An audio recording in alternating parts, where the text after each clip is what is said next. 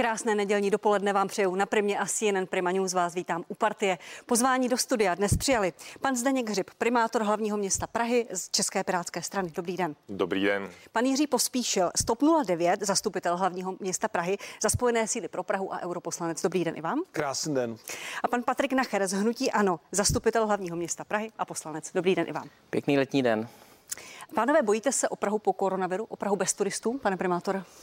Tak ty obavy jsou samozřejmě naprosto, eh, naprosto jasné. Praha přijde díky koronaviru v segmentu turismu o nějakých 80 miliard korun a pochopitelně se to bude nějakým způsobem odrážet, ta koronavirová krize v rozpočtu hlavního města Prahy.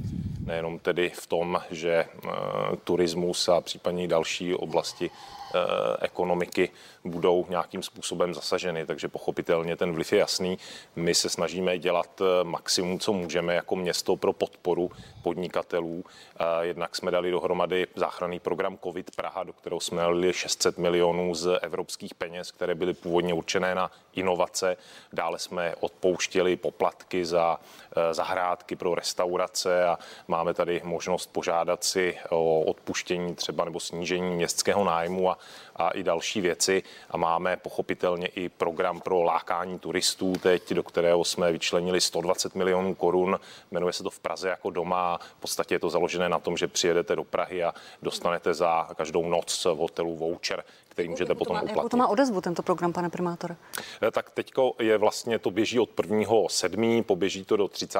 září, tedy vlastně celé prázdniny ještě v září a uh, já myslím, že to bude mít určitě úspěch, protože to v podstatě znamená, že když eh, přijedete do Prahy, strávíte tady noc v hotelu, hostelu nebo dokonce i v kempu za minimálně 8 stovek, tak dostanete vouchery v hodnotě dohromady 400. Ale, ale ne všechna ubytovací zařízení, pojďme to říct na rovinu. Ne, ale připojit se můžou všechna, je to na webu v Praze jako doma.cz, kdy si můžou lidé najít eh, to odpovídající ubytovací zařízení a, a je tam ten program celý popsaný. To znamená, je tady celá řada aktivit, kterými se Praha snaží jako město podpořit tu ekonomiku, byť eh, je to spíš úkol státu. Udělal, udělal stát maximum pro to, aby Praze pomohl?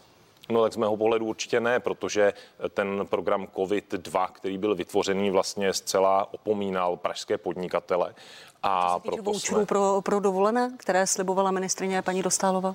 Tak to jsou další věci, ale eh, jak říkám, z mého pohledu určitě stát mohl být mnohem, mnohem uh, více angažovaný v té, v té obnově, zejména teda v Praze, když na Prahu zapomněl v rámci toho programu COVID-2 eh, těch zvýhodněných úvěrů, kterými jsme teda museli nahradit speciálním programem COVID Praha, tak aby se pomoc dostala k pražským podnikatelům včas. Pane Pospíšilo, vaše obavy o Prahu bez turistů, no, ten propad bude já obrovský? Já mám velké obavy, nemám obavy o městský rozpočet jako, jako pan primátor, ale mám obavy o malé živnostníky, podnikatele v Praze, kteří žijí z cestovního ruchu. Sám to vidím, mám čestnou funkci, nejsem jenom politikem, pečuji o muzeum Kampa a vidím jako obrovský dopad na pražskou kulturu. Může to být konkrétní? Kolik no, vám to škody způsobilo na Kampě? Způsobil škody v řádech jednotek milionů na vstupném. Vemuli toto muzeum, které založila Mena Mládková a které žije ze vstupného. A zatím tedy vyjednáváme se státem, s ministerstvem kultury, jestli nám něco dá, to uvidíme, zatím jsme nic nedostali. A na grantech, a to jsem já velmi podporoval, ne kvůli muzeum Kampa, ale obecně jsme navýšili všem kulturním institucím v Praze granty, ale to je nějakých, třeba 200-300 tisíc, to znamená, je to symbolická podpora. Ale nechme muzeum Kampa, kde teda já vidím konkrétně, jak ten propad je obrovský, ale jsou tady stovky hotelů, tisíce restaurací, je tu celý terciální sektor, cestovní ruch, který dneska v zásadě stojí. My jako Praha to můžeme symbolicky podporovat. Já velmi vítám a podporoval jsem to, navrhoval jsem také ty vouchery za to 09 a jsem rád, že nakonec je v koalici schoda na tom, že se udělali vouchery pro ty, kteří přijedou do Prahy, občany České republiky, bydlí zde v hotelu, dostanou voucher, mohou jít zadarmo eh, do Národní galerie, do Pražské galerie, do muzeí, do zoologické zahrady, ale tohle všechno má symboliku. Tady je propad až 80 miliard pražského turistického ruchu. My jako Praha do toho můžeme dát nějakých 100-200 milionů součtu. Má to symbolický charakter, ale stát měl udělat mnohem více. A uvedu příklad, vy jste se to ptala na Slovensku. Na Slovensku například eh, vedle podpory eh, lázní, jako udělala vláda Andreje Babiše, tak i podpora dovolených ve své vlastní zemi. To vláda slíbila. Já jsem slyšel několikrát ministrině pro místní rozvoj o tom hovořil a to není. A kdyby něco takového bylo, tak já jsem přesvědčen, že do Prahy přijede mnohem více českých turistů a pro pražské podnikatele, živnostníky to má mnohem větší efekt. Protože ještě jedna teze. Minulý rok do Prahy přijelo 8 až 9 milionů turistů. A naše podpora pražská, která je symbolická, ty lístky zdarma do kulturních institucí, tak to může malinko povzbudit, ale nemůžeme to zachránit. A vy, vy jste, promiňte, vládu, vládu prosili, vyjednávali jste s ní, tak, proto, říkali jste, pokud tyto vouchery nebudou na Prahu, to dopadne velmi? Tak eh, určitě pan primátor to může i potvrdit. My jsme několikrát jednali s ministrem eh, Havlíčkem kolem toho covidu. Já jsem třeba kritikem toho covidu, protože to pomohlo pouze 250 podnikatelům a sám mě, vím, že mě oslovilo několik eh, majitelů pražských hotelů, restaurací, menších podniků a těm řekli banky, v žádném případě vám žádné peníze nepůjčíme. A k čemu je potom takovýto program COVID, který my jsme za Prahu lepili chybu státu a těch 600 milionů to vlastně nemohlo zachránit. A hlavně já jsem přesvědčený, že tam mnozí dostali půjčku, kteří si to úplně nezasloužili. A právě ten sektor, restaurace, hotely, ten, který v Praze je nejvíce ohrožený, ten, který je z turistů, kteří tu nejsou, tak mnoho takových subjektů tu nedostalo. Protože banky se rozhodly, vy jste pro nás rizikový, my vám peníze nepůjčíme. Ale od toho právě byla ta státní garance aby banky pomohly těm, kteří opravdu pomoc potřebují a jsou třeba rizikoví a ti tu pomoc nedostali. A kult, jenom tezi, ta kultura bude zasažena bohužel celé léto. Bude i na podzim poškozena. Cestovní ruch se z toho jen tak nedostane. Já doufám, že tady ta pomoc od státu, od vlády ještě přijde.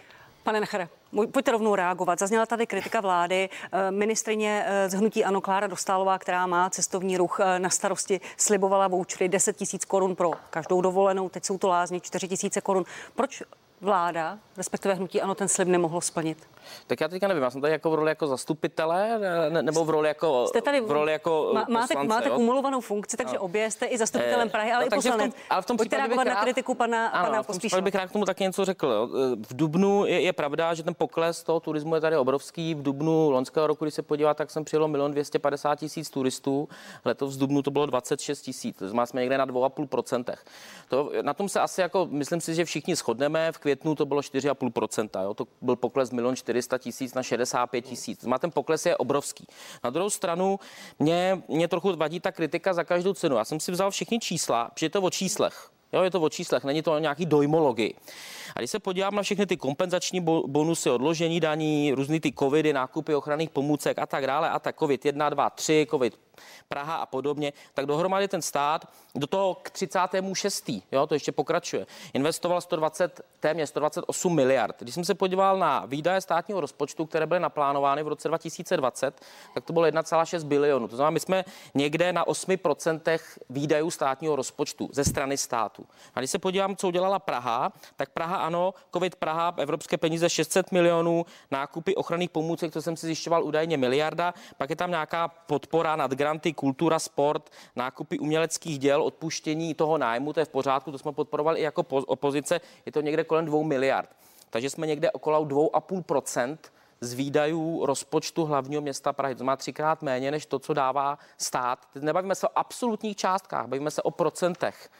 A v té chvíli Praha vlastně do toho dává třikrát méně než stát v procentech k poměru k tomu svýmu, eh, k těm svým příjmům a výdajům. Jinými slovy, já neříkám, já neříkám, já to nekritizuju za každou cenu, ale byl bych rád, aby kolegové nedělali to tež. Jinými slovy, dělejte všichni někdo něco, hlavně aby, a hlavně, aby to nešlo z našeho jakoby, rozpočtu. A k tomu slibu vlády, pane Nachere?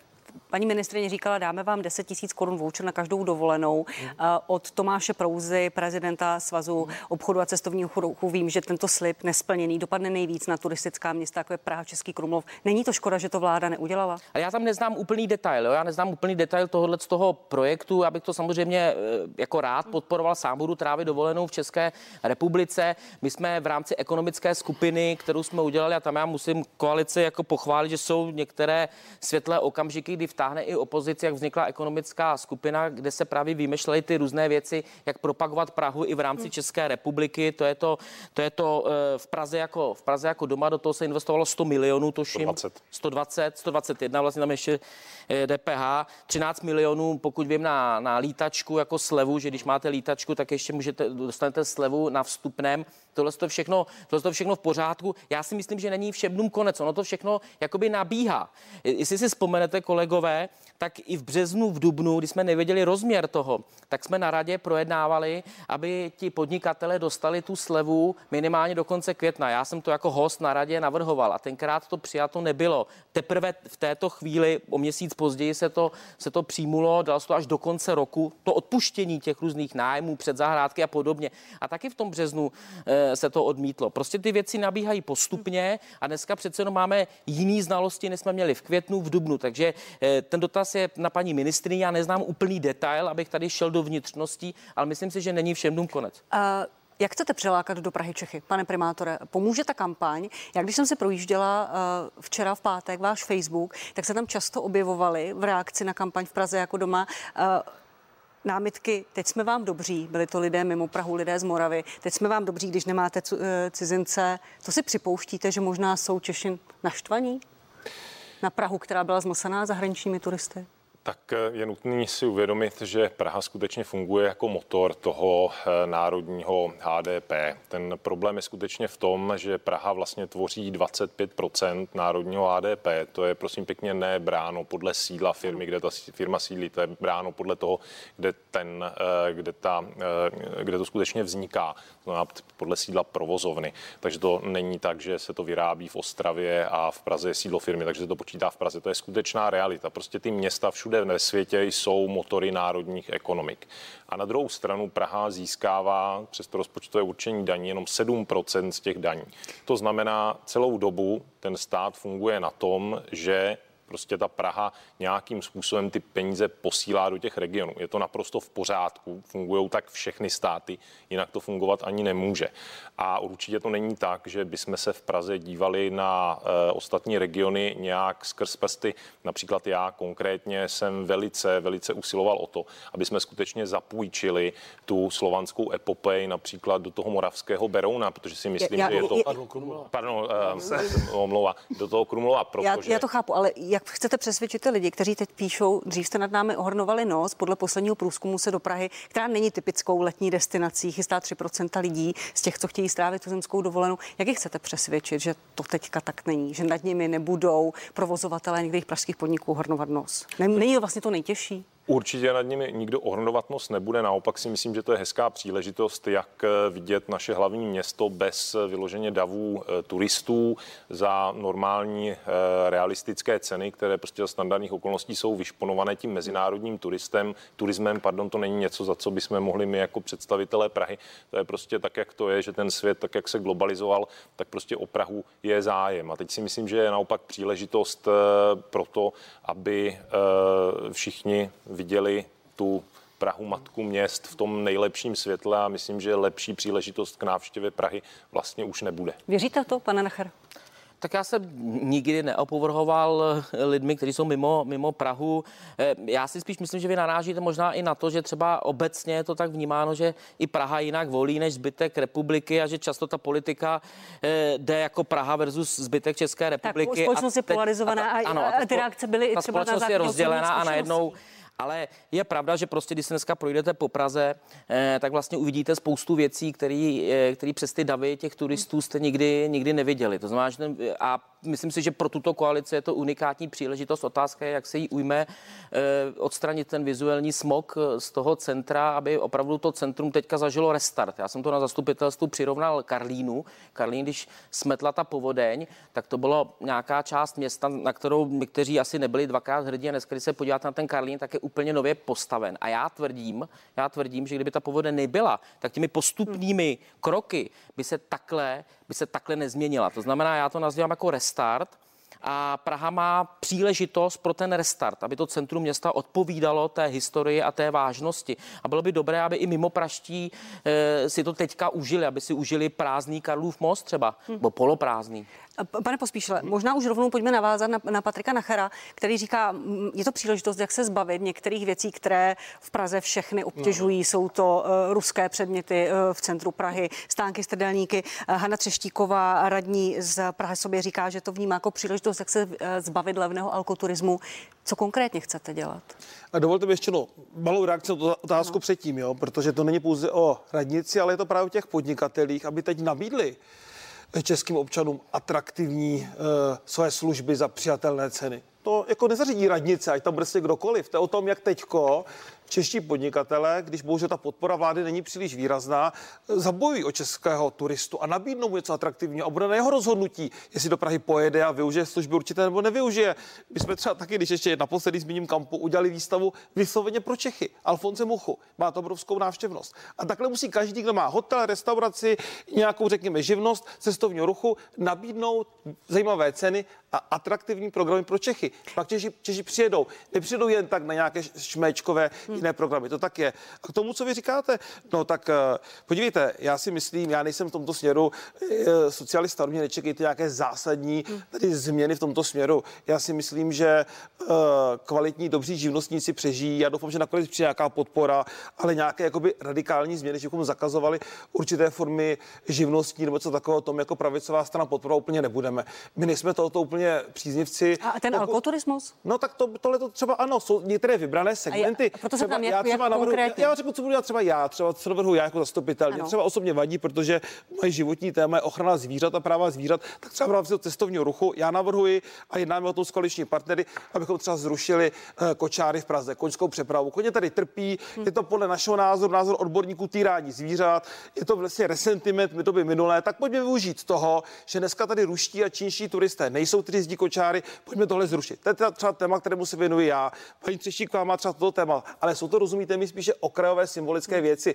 To v zásadě až tak strukturu jako takovou pražského turistického ruchu nezmění. Ale musíme si uvědomit jednu věc, že ten problém pražského cestovního ruchu bude ne na jednu sezonu, ale na několik let. Podle odborníků třeba letecká doprava se vrátí na původní podobu až za pět let. To znamená, praští podnikatelé, vedle toho, že chápu, že jsou naštvaní, že ta podpora státu není veliká, tak musí změnit svůj přístup k návštěvníkům a nabízet Čechům dlouhodobě, ne tyko krátkodobě, něco, teď jste nám dobrý, tady mám nějakou službu. Ale měli by se trošku chytnout praští podnikatelé v cestovním ruchu za nos a dlouhodobě pro české občany začít nabízet. Tady, tady jenom malá poznámka od Tomáše Prouzy. Vím, že uh, i podnikatele, kteří změnili svůj přístup a cenovou politiku, jsou stále na 30-40% tržeb. Není to no, tak, že jsou ale na svém. Dobře, dobře, ale tak dobře, ale v minulých letech byli taky někteří, přiznejme si to zmlsaní, jako jo. Taky to, ty na to ceny, které byly, začátku, byly jakoby nespravedlivé, byly jaksi e, daný tou možností si takové ceny stanovit. Ona ta krize to asi trošku srazí na zem a opravdu přežijou ty kreativní a trošičku to vrátí do normálu, když řeknu i nějaká malinká pozitiva toto problém. A dovolte mi ještě tu poznámku tomu, co říkal kolega Nacher. Výdaje z pražského rozpočtu. Víte, že já jsem navrhoval větší výdaje, dejme pražským podnikatelům nějaké peníze, dejme jim něco. Ale vy sám víte, pane e, kolego, že schodek pražského rozpočtu už je dneska odhadem na 12 miliard. Bude 12-15 miliard, jako jo. I díky tomu, že vláda Andreje Babiše nám ty 3 miliardy sebrala, takže ono to jako je složitější. Tomu Já se, tomu první, se hned, bych chtěl dát více peněz, tomu se hned dostanu v tom druhém tématu, pane To je druhá odpověď. Pane primátore, pojďte jenom ještě reagovat na, ten, na vizuální smog a alkoturismus. Je to reálné? Budete podporovat nějaké a dělat konkrétní kroky, jak, jak zbavit Prahu nálepky? Tady se budeme zadarmo opíjet? Tak my už ty kroky konkrétní děláme. Paní radní Třeštíková za Prahu sobě vydala vlastně ten manuál pro kultivovanou Prahu, což je způsob, jak bojovat v Praze s vizuálním smogem, vlastně konkrétně jak na označování provozoven.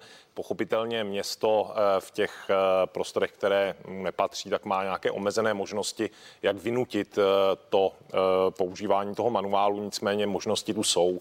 Je to například přes ty zahrádky, povolování záborů, dotace na opravy těch historických fasád a podobně. To znamená, eh, tohle je první záležitost, jak chceme udělat Prahu krásnější. Potom je to ta záležitost, aby v Praze eh, se ti turisté cítili dobře, takže my jsme teď zavřeli vlastně dvě další podvodné směnárny eh, na Andělu a na Florenci tak, aby, až se Praha tedy začne otvírat znovu světu, tak aby skutečně tady nebyly ty turistické pasti. Ale to, co, na co se ptáte na ten alkoturismus a změnu celkově té struktury turistů, tak to si myslím, že výrazně s tím pomůže to, že vyřešíme problém Airbnb. To znamená v momentě, kdy to vrátíme Airbnb a podobné platformy do myslíte té si, podoby... Promiňte, myslíte si, že se turisté z Británie, z Holandska, kteří tady přijíždějí na rozlučky se svobodou, neubytují v hotelu? Obytovat se můžou, ale za prvé ty hotely mají nějakou kapacitu omezenou. Když máte Airbnb, které není nějak regulované, tak máte vlastně distribuovaný hotel rozlezlý do bytových domů. Jakýkoliv byt se vám může okamžitě změnit v hotelový pokoj a nemáte nijak regulovaný ten přístup, ten, ten, ten objem těch turistů ve městě. Díky tomu vznikají ty problémy související s overturismem. To znamená, že těch turistů je tady příliš mnoho, protože prostě je naprosto nelimitované to, kolik těch turistů přijede, ale to město není schopno pojmout těch 9 milionů turistů nebo ještě víc do konce, jak by to mohlo být. To znamená, že skutečně v momentě, kdy máte územní plánování, je řečeno prostě tady má být hotel, tak ten počet turistů je nějaký rozumný. V momentě, kdy můžete mít hotel v celém centru, tak prostě to nejde a ty efekty overturismu vás potom stojí další a další peníze. Takže... Můžu jenom, jenom pánové krátce, uh, no. regulace Airbnb jako regulace alkoturistické lokace Prahy? Odpovím, jenom řeknu jedno zase číslo kolegovi eh, Pospíšilovi, eh, protože aby nemátl, já jsem tady mluvil ne o konkrétních částkách, o těch absolutních hodnotách, ale o tom poměru. Ten poměr je srovnatelný. Když někdo pomůže ekonomice... srovnávat rozpočet města. Ale ne, poměr. Kdo pomůže 8% z rozpočtu a někdo pomůže 2,5%. Pánové, pojďme. Můžu jedno číslo. Ne, prosím, je to velmi, velmi... 8 miliard je to... Babišova vláda dala a slíbila tisíc Prosím. miliard. Bilion jste slíbili. Pane, pane Pospíšile, uh, Patriku, na chvíli se nedohadovat. Ale, Zkuste mi odpovědět na tu otázku. Alkoturismus. Ale ne, protože ono to furt zaznívá v tom, v tom éteru a to. Ne, ale Když pardon, podíváte... já musím zareagovat aspoň jednou ne, větou. Prostě ty opatření já... jsou vládní, to znamená, že je to skutečně na vládě, aby řešila ty dopady těch svých opatření. Jako, eh, to přece nemůže být logicky tak, že eh, vláda zasekne ekonomiku a sanovat to bude město, notabene Praha jako jediné město v České republice, která musí si dělat vlastní záchranný program a další věci. To znamená samozřejmě, že ta obnova ekonomiky, která je zastavená díky opatření vlády, tak ta je na odpovědnosti vlády. To je ano, logické. Ale ty, tak, tak, ale pozor, tak pojďme tu ty, debatu furt nevracet na začátek, ty peníze prosím. jsou, ty peníze jsou všech, to není jenom peníze vlády, to jsou peníze občanů, který oni, který oni eh, peníze daňových poplatníků, který jsou různě distribuovány, jsou tady sdílený daně, takže se na to musí podílet úplně všichni. Říkat, ať něco zařídí vláda a my tady budeme jenom čekat, co na nás padne. Když se podíváte na přímou pomoc rozpočtu, tak přímá pomoc rozpočtu je 4,6%, a jsme třetí nejvíc ze všech zemí, kteří do toho investovali. Tak prosím, před, přestaňme, jakoby, mě, jde, mě tam vadí ta kritika za každou cenu, že vláda něco jako podceňuje a vy to tady v Praze zachraňujete. A takhle to prostě není. Tak Ale teďka k tomu Airbnb... Tak pane, řekněte, pane kolego, kde máme škrtnout v manda... Teď ty městské rozpočty jsou zase mandatorní výdaje. Nebudeme investovat do městských škol, nebudeme opravovat silnice. V provozu, v provozu města, se, vy, vy jste sami, koaliční strana, kritizovali, no, ano. Že meziročně vzrostl pro, uh, výdaje na provoz města o, o nějakých 9 miliard. Ano, jsem velký Pardon, jsem ne, ne, ne, ne, ne, ne, ne, ne, dobře, ne, ale ne, ne, ne, ne, prosím, ne, prosím, k penězům se dostaneme. Ano, Airbnb, jako regulace alkoturismu, ano nebo ne, už máte jenom velmi omezený uh, Aha, prostor pro odpověď. Ne, tak uh, tady zase doufám, že když už mě tady kolegové uh, honili za, za ten koronavir, tak tady já dlouhodobě se snažím v poslanecké sněmovně řešit, já bych to nenazval regulací Airbnb, ale definováním nějakých pravidel, protože tohle ten stav stav je dlouhodobě neudržitelný. Ten první krok se podařil, to je, že tyto platformy musí dávat informace živnostenským úřadům. Teď je na řadě druhý krok, aby byly zmocněny obce si na svém území to, definovat ta pravidla, protože dneska to není možné. Pravděpodobně to využije asi jenom Praha. Já jako poslanec, byť jsem v opozici, jako možná Český Krumlov a, a Karlovy Vary, ale byť jsem v opozici jako zastupitel, tak tam velmi aktivně to tam eh, prosazuji vedle těch směnáren, to, to, to, to jsem eh, také si myslím lvým dílem tam prosadil s kolegou Michálkem, odtahy vozidel a podobně. Takže tam ta prostupnost té politiky Prahy a celostátu je. Bylo by dobré, aby kolegové viděli i, i ta pozitiva, nechytli se jenom vždycky té kritiky. Tak pojďme k těm, k těm úsporám. Pane primátore, město teď šetří, na regulaci MHD, jsou další intervaly, lidé čekají déle na autobus a do toho je tady debata o tom, že město za... Jsou prázdniny teďka. V pořádku, ale jsou prázdniny, jsou každý rok, ale tentokrát jsou ty intervaly ještě delší než v loňských a minulých prázdninách. A město chce, město chce investovat až 100 miliard do přemalování tramvají. Je to investice, která teď je na místě? Ale my nebudeme investovat 100 miliard do, do přemalování tramvají. To je nějaký hoax nebo nějaký fake news, které se tady šíří. Uh, to je to není tom, pravda, že, že Praha ne, nebude realizovat zakázku? Je to o tom, že stanovíme nějaký nový vizuální styl, který bude použitý při nákupech nových vozidel. To že znamená, nebudete přemalovávat? Nevím o tom, že by se měli přemalovávat stávající vozidla. Ale co se týče uh, té záležitostí, které tady zazněly, které se týkaly toho šetření, tak teď v pondělí jde na radu tisk, kterým vlastně by se měli eh, udělat rozpočtové úpravy a úspory ve výši 614 milionů korun. Primárně se teda jedná o oblast dopravy a oblast majetku, kde se bude ušetřit právě na běžných výdajích. Co se týče nějakých úspor v oblasti investic, tak to je poměrně komplexní politické rozhodnutí, k tomu se dostaneme až v září, ale pochopitelně, že Praha se snaží šetřit tam, kde to jde. Ten problém je v tom, že vláda nám nejde příliš naproti, protože co se týče těch rozpočtů krajů, tak na rozdíl od obcí, kde se podařilo obcím nějakým soustředěným tlakem ve spojení eh, vlastně kompletní opozice, dá se říct, a také eh, organizací typu eh, Svaz měst a obcí, obcí a svaz místních samozpráv a podobně, kde se podařilo skutečně zatlačit na vládu tak, aby dala tu kompenzaci obcím ve výši z 1200 korun na obyvatele, tak bohužel u krajů to zatím není. To znamená, že náměstek Vyhnánek, náměstek Hlubuček a paní radní Marvanová budou předkládat eh, vlastně legislativní iniciativu takovou, aby se i krajům dala kompenzace 500 korun na hlavu za vlastně ty peníze, které nám vláda teď vzala. Protože pochopitelně eh, my tady máme vlastně jednak eh, potřebu šetřit, kvůli tomu, že máme nižší příjmy z rozpočtového určení daní, ale kromě toho nám vláda ještě vlastně ty peníze bere. To znamená nejenom, že nevybere se tolik daní díky eh, těm ekonomickým restrikcím vlády, ale ještě nám vláda ty peníze bere. To znamená, my potřebujeme nejenom spořit, ale také potřebujeme, aby vláda skutečně ty kraje podpořila. Hmm. Pane Pospíšil, vy jste se chtěl vyjádřit k tramvajím? Já se tomu trošku musím smát, protože to byla velká koaliční debata. My jsme protestovali právě proti tomu, aby se vyhodilo několik set milionů na přemalovávání e, tramvají. A na základě této debaty nakonec tedy ujištění našeho koaličního partnera a radního pro dopravu náměstka, pardon, pana Scheinhera, že to bude pouze u vozu do budoucna. Ale ta původní úvaha taková byla, že by se měli 100 miliony vyhodit. A radní Marvanová na to upozorňovala se na koaličním jednání. Takže to je dobře, že to tak není. A říkám za sebe a za TOP 09. My podpoříme podpoříme veškeré návrhy na šetření. Jediné, co ne, kde nechceme šetřit, jsou investice. Není možné, abychom podvázali investice města, zvláště v oblasti dopravní infrastruktury a školství. Tam my pro žádné úspory nezvedneme ruku. Tam naopak jsme připraveni třeba podpořit i variantu určité, určitých půjček, protože investice, pokud bychom zarazili, tak by to vedlo k další hospodářské recesi, která bohužel na podzim se v Praze díky tomu, jak vypadá cestovní ruch a ten terciální sektor, asi trošku projeví. Pane Nachere, kde šetřit? Tak, ne, tak eh, pan, pan primátor nemá rád fake news, tak, eh, tak teďka tady jeden rozšířil. Vláda nic nevzala. Ten, ten kompenzační bonus byl od začátku koncipován, že byl ze sdílených daní, tak, aby to šlo co nejrychleji. Od začátku. To, že vaši poslanci nečtou důvodovou zprávu a nečtou t- ten podklad a přijdou na tom až při čtvrtém čtení, tak to za to já nemůžu. Za druhé, není to 1200, ale 1250, teď se to, teď se to navýšilo ještě e, o ty DPČ. A to je druhá věc, ta kompenzace, ta kompenzace je 12 eh, a 12,8 miliardy, kterou teďka stát vlastně vrací těm obcím, přitom ty samotné obce říkali, že přišly o 12 miliard. Jo?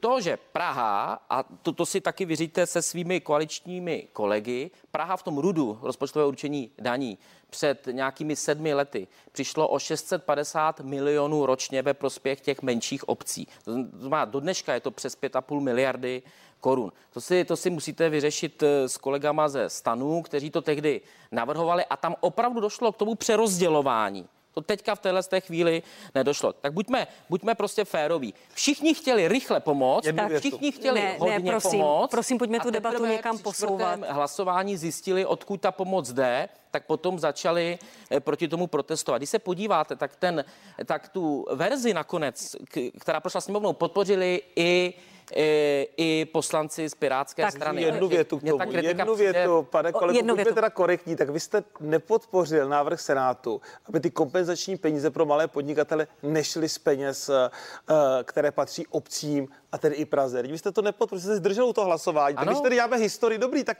nevytýkejte, tak, že když si nepo... stan někde hlasoval pro pa, pane, pane, ne, ne, ne, ne, pane Nachere, ne, ne, ne. Variantu, v dobrým ale pane Pospíšile, chtěl jste jednu větu, pane Nachere, prosím, pojďte mi odpovědět na... na... by se nerozdělovali. Patriku Nachere, pojďte mi odpovědět na moji otázku.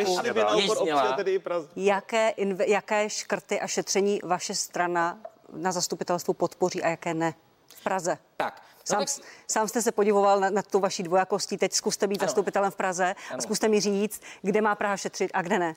No tak určitě má Praha šetřit eh, na těch provozních výdajích a na různých jako nápadech. Eh, vy to přemalování těch tramvají, já teda 100 miliard jsem teda neslyšel, to, to mi přijde jako už přepálené, a také jsem slyšel také jsem slyšel tu variantu, že to se mělo týkat všech tramvají a po nějaké vaší dohodě se to týká jenom těch nových. Eh, týká se to například, eh, my jsme chtěli otevřít bod, bohužel nám to eh, koalice nezařadila, změna sídel.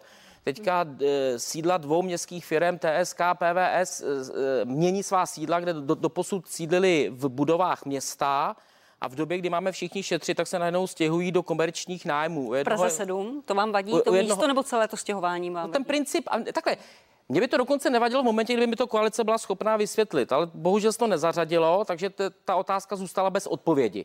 Mě by zajímalo, proč v době škrtání se má stěhovat z městských eh, budov do budov komerčních. Proč mám nájem, který byl 7 milionů, je najednou 22 a tady to posíláme jakoby sami sobě a tady to posíláme někomu jinému. Tak já bych to docela rád vysvětlil. Tak. S tím pak souvisí samozřejmě, jaká bude budoucnost eh, Škodova paláce, centra eh, magistrátu a Nechám, podobně. Ne, Patriku, necháme odpovědět pana primátora, možná pojďme upřesnit, Ještě. jestli je to stěhování, je, je, pojďte neodpovídat na to, co je zaznělo, prosím. Ne, já musím zareagovat. Ne, ne nemusíte. Nikdy pojďte. se nechtělo přemalovávat všechny tramvaje, prostě, v dopravu má... říká, že ano, už jsme to ne, v, nevyřešili, nebo takhle. Prosím. Dopravu má v gesci Praha sobě, ale já skutečně jsem nikdy neslyšel to, že by se měli přemalovat v Praze všechny tramvaje. Já vím, že to říkala opozice, ale náměstek to jasně uvedl no, na pravou míru v, tak, v, na zastupitelstvu. Stěhování technické zprávy komunikací do obchodního centra v Praze 7. Tak, eh, věc se má tak, že skutečně momentálně celá řada uh, městských firm i uh, magistrátních úředníků je teď v komerčních prostorách a nějakým způsobem zvažujeme to, jakým způsobem to přestrukturalizovat tak, abychom nemuseli vlastně investovat do stavby nové radnice, protože to jsou poměrně významné náklady, na které je teďka otázka, jestli budeme mít, spíš asi ne. To znamená, snaha je spíše digitalizovat provoz magistrátu, umožnit více home office, a tím touto cestou jít, ne se stěhováváním úředníků vlastně eh, na jedno místo po tom, co doběhne pronájem Škodova paláce. Takže z tohohle důvodu probíhá nějaké komplexní eh, reorganizace a mm, už prostě budou se stěhovat úředníci z jednoho místa na druhé a součástí toho je i to, že eh, některé městské akciovky by měly to sídlo změnit. Nicméně to je skutečně rozhodnutí je skutečnosti těch akciovek, takže eh, jestli oni vyhodnotili, že to bude efektivní pro ně eh, někde na Praze 7, tak to asi tak bude. Ostatně. A, no. No ne, tak tam jde spíš o, o nějaký symbol. On to vždycky jde, ta, ta zodpovědnost padá jakoby ze zhora. Jo. To znamená, že bylo by dobré možná v září na zastupitelstvu říct, jak to tedy bude e, s tím sídlem magistrátu. Ono to končí, pokud vím, v roce 2028. Mm-hmm. E, v té, tomu předchozímu vedení se podařilo e, vlastně usmluvat úsporu 850 milionů korun, jestli si dobře vzpomínám. A ono těch 8 let, ono to vypadá, že to je daleko, ale ono se to jako blíží. A vždycky ta strategie byla, aby ty úředníci byli na jednom místě z hlediska úspor přejíždění, z hlediska úspor kancelářských prostor, i z hlediska úspor pro ty lidi, kteří budou dojíždět na jedno místo. Tady já jsem jo. se dočetl při tom stěhování u toho TSK, jestli mám správnou informaci, že se naopak počet lidí bude rozšiřovat, což mi jako právě o 42 lidí, jestli to, což mi právě moc jako úsporné nepřijde.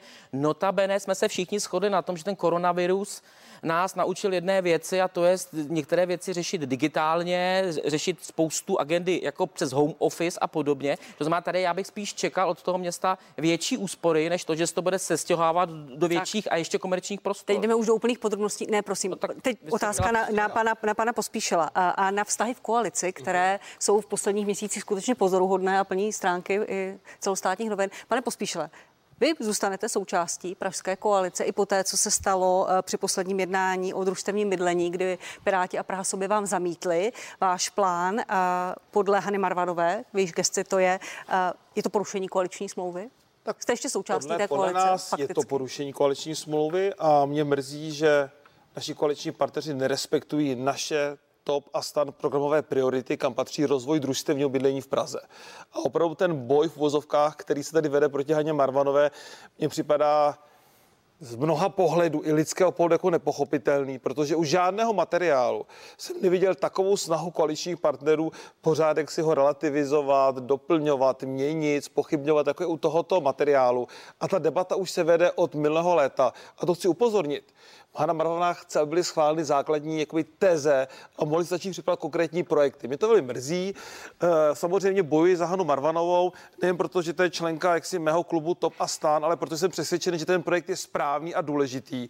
A některé kroky pana primátora, typu, že se zde vyrobil na náklady města posudek, který měl víceméně jakoby relativizovat práci Hany Marvanové, byl 14 dní na magistrátu a my jsme se to dozvěděli. Hana Marvanová, odpovědná radní, se to dozvěděla den před zastupitelstvem. Místo, aby ten posudek měla hned poté, co přišel na magistrát a mohla případně s ním pracovat a zapracovat ty věci. Tak to mě fakt trápí. Já to říkám nerad. Já Promiňte, abyste vyzval člověk... pana primátora, aby si ten posudek no zaplatil myslím, ze svého. Fér. Já myslím, že to je fér, že pan primátor by si měl pochlapit, zaplatit to, protože když mě volal den před zastupitelstvo, že ten posudek máme, já jsem se domněl, že ten posudek jeho nebo pirátské strany, ne, že ho platili poplatníci, protože pokud se dělá posudek, který jaksi, na kterém není koaliční schoda, mají ho platit poplatníci a ten posudek neslouží k vylepšení toho materiálu, ale spíše k rozporování práce určité radní. To je legitimní politický boj, s kterým já nesouhlasím. Pane ale nemá ho platit Zaplatíte ho za svého? Tak tady je nutné si říct, jak to reálně eh, probíhalo. To znamená především. Zaplatíte nejde, ten posudek? Prosím vás, nejde rozhodně o žádný boj proti paní radní Marvanové. My samozřejmě družstevní bydlení podporujeme, ale chceme, aby to skutečně v momentě, kdy ty lidé do toho budou dávat eh, své peníze, vlastně, kteří budou vstupovat do těch družstev, tak aby skutečně byla garance, že tam není žádná chyba. A protože se tady objevovaly nejrůznější výhrady z nejrůznějších stran, tak já skutečně proto, abych nějakým způsobem objektivizoval to, jak to teda je, tak jsem zadal posudek, revizní analýzu u renomované společnosti Ernst Young, která nějakým způsobem vyhodnotila rizika spojená s tím eh, projektem jako takovým. Určitě to nebylo tajné, poslal jsem to dál hned, jak jsem měl finální verzi. A co se Pan Pospíšil tvrdí, toho... že to leželo na magistrátu 14 dní, paní Marvanová to dostala. Zaplatíte ho nebo ne? Stačí o, o jedna od. Prosím vás, teď probíhá to, že ten posudek identifikoval, že v tom projektu jsou určité nedostatky, které je nutné vyjasnit. To zná to, co probíhá teď, je v podstatě reklamační řízení, kdy ti dvě právní kanceláře se dohadují vlastně, kdo má pravdu, dá se říct. V určitém smyslu eh, je to i o tom, že v některých případech říká, že to není to riziko, které tam je, není chybou jejich, že to je součást zadání. O tom zadání byly ostatně také velké debaty. Politicky, znamená... jak funguje taková koalice, kdy primátor si zadává opoziční posudky na, na práci radní, sníže v koalici, v jejíž gesci to je. To mě zajímá. No to funguje úplně snadně, protože paní radní Marvanová zadává posudky má, má na taková práci. Budouc, má taková koalice budoucnost? Máte ještě dva roky do dalších voleb? Jak vidíte, tak, tak jestli... zatím nám to vydrželo. Já myslím, že tady došlo třeba k pikantní situaci právě na tom minulém zastupitelstvu, kde se to řešilo, kdy se ukázalo, že posudek na nějakou záležitost v gesci pana náměstka Scheinera z Prahy sobě, který má v gesci dopravu, tak eh, že který předkládal vlastně jeden eh, zastupitel za ANO, hmm. takže vzniknul v kanceláři paní radní Marvanové. Takže se tady takže, zpracovávají eh, posudky no, na takže, další projekty. Tady v tomto případě, pardon, byl záměr skutečně o tom, aby ten projekt byl bez chyby. Hmm. Já jsem dostal revizní analýzu od renomované společnosti Ernst Young, která říká, že tam jsou významná rizika. V tuto chvíli probíhá nějaké vypořádání mezi těmi autory toho, té původní smluvní dokumentace a těmi autory toho revizního je, promiňte, já věřím, Dobře, jenom, jenom podotýkám, že moje otázku, jestli posudek, je jestli vy slyšíte výzvu pana Pospíšila, jestli, jestli vy slyšíte výzvu pana Pospíšila, abyste 600 tisíc korun eh, zaplatil za svého jste neodpověděl. Eh, tu analýzu objednala paní eh, zastupující ředitelka Javornická pokyn, standardním postupem. To znamená, v tuto chvíli myslím, že je předčasné řešit, jestli vlastně by paní radní Marvanová měla platit ty 2 miliony za tu původní dokumentaci, když někdo jiný jiný říká, že tam jsou chyby. Já bych nechal prostě ty autory toho, ty původní dokumentace a autory toho revizního posudku, ať si vyjasní, kde teda jsou ty chyby. Pane Pospíšile, jednu větu, pak pan Patrik Nacher, ale je to jedna věta. Pane primátore, mě na tom nejvíce mrzí, že nemáte trošku velkorysosti vůči svý radní. A problém je jediný. My si tu můžeme hádat asi 10 posudků, ale důsledek bude, že to družstevní bydlení se nerozběhne, nerozjede a občané v Praze nebudou mít družstevní byty. A to je ta největší škoda. A proč mě to Tak. mrzí? Klidně si zadávejte posudky, mě to je jedno, ale mrzí mě, že těmihle kroky se oddaluje spuštění projektu družstevní bydlení v Praze. Tak je jedna věta. Je Patriku nutné, Nacher, aby jak, bylo jak vnímáte fungování takové správně, koalice? Já se vás ptám, pojďte. A pardon, vnímáte je fungování takové udělat to koalice? Tak, aby to bylo skutečně správně. a je důležité, Já se, vás, nebyly já se vás ptám, tady to neřídí pan primátor jako dáry, Aby to byl zastupitelstvo. skutečně Prosím, udržitelný systém pro všechny Pražany. Tak já jsem počkal pro diváky, aby jsme se tady nepřekřikovali. No, já bych z toho mít, mohl mít teoreticky jako radost, jo, ale jako, jako zodpovědný politik a za, zastupitelstvo radost nemám, protože to, co v zásadě opakuje každé zastupitelstvo, eh, u těch důležitých věcí je vidět, že prostě ideologicky ta, ta, ta koalice mm, si, nesedla, je to spíš jako koalice, která je jakoby negativně vymezovaná vůči někomu. Jo. Podobná hádka byla u Smetanovo nábřeží například. Tady u tohohle z toho eh, Pan primátor je takový, je mistr v úkroku stranou, to se mu musí nechat, protože tady si nechal zadat, což si myslím, že je po revoluci 89 úplná novinka, eh, analýzu na materiál vlastní radní, eh, který platí z peněz daňových poplatníků a on ten úkrok stranou udělá, že nám vyčte, že my jsme si nechali udělat analýzu my, eh, my, nikoli daňoví poplatníci, daňoví poplatníky to nestalo ani korunu eh, a najednou se potom točil v argumentech eh, na materiálu, který s tím vůbec jakoby nesouvisel. Jo? A tím se to jakoby rozředí ta debata a, a to, to hlavní bylo. Družstevní bydlení je jeden z mála projektů, který je v takové, takové fázi rozpracovanosti, že už by se mohl nějakým způsobem implementovat. My se tady bavíme o tom, jak něco nastartovat, nastartovat bydlení. Ale místo toho se tady budou přemalovávat tramvaje, zavírat Smetanovo nábřeží. Teď jsem se dočetl, že chce váš kolega, koaliční partner, měnit logo Prahy a podobně. A to družstevní bydlení, to družstevní bydlení, eh, které je důležité, tak to funguje tak, že ta koalice se navzájem torpéduje takovým způsobem, že se to ani nedostane na program zastupitelstva. Takže my vůbec nemáme šanci eh, se o tom, se o tom bavit. Takže Správné by skutečně bylo, a tady já i přes tu prvotní kritiku kolegy Pospíšila jako podporuju to, že pokud jeden z koaličních partnerů má na to jiný názor, tak nechci udělat posudek, jako jsme to udělali my, nechci to sám zaplatí, nebo si to nějakým způsobem objedná v nějaké advokátní kanceláři. Ale v momentě, kdy daňový poplatník má vlastně dělat rozhodčího mezi dvěma koaličníma subjektama, tak je to divné. Notabene, v pátek přišla určitě, že to bylo přímo panu primátorovi, eh, protianalýza, takže teďka tady bude protianalýza analýzy, analýza protianalýza, takže teďka teď se to rozjede. Eh, té advokátní kanceláře eh, která to dělala pro paní Marvanovou a tam je jasně napsáno a ta věta stojí za to. Nejedná se o odlišné právní názory, to je ta reakce dva právníci, tři názory. Nicméně na sporné právní otázky, ale o zcela zjevné nesprávnosti v závěrech i předpokladech, neboť neboť Ernst Young neměli všechny Tak, dokumenty. A já dám poslední, po, poslední slovo dokumenty. panu primátorovi. Jo, Máte opravdu jednu zkusím větu. Není to divné, že daňový poplatník 600 tisíc korun dělá rozhodčího mezi znesvářenými koaličními stranami?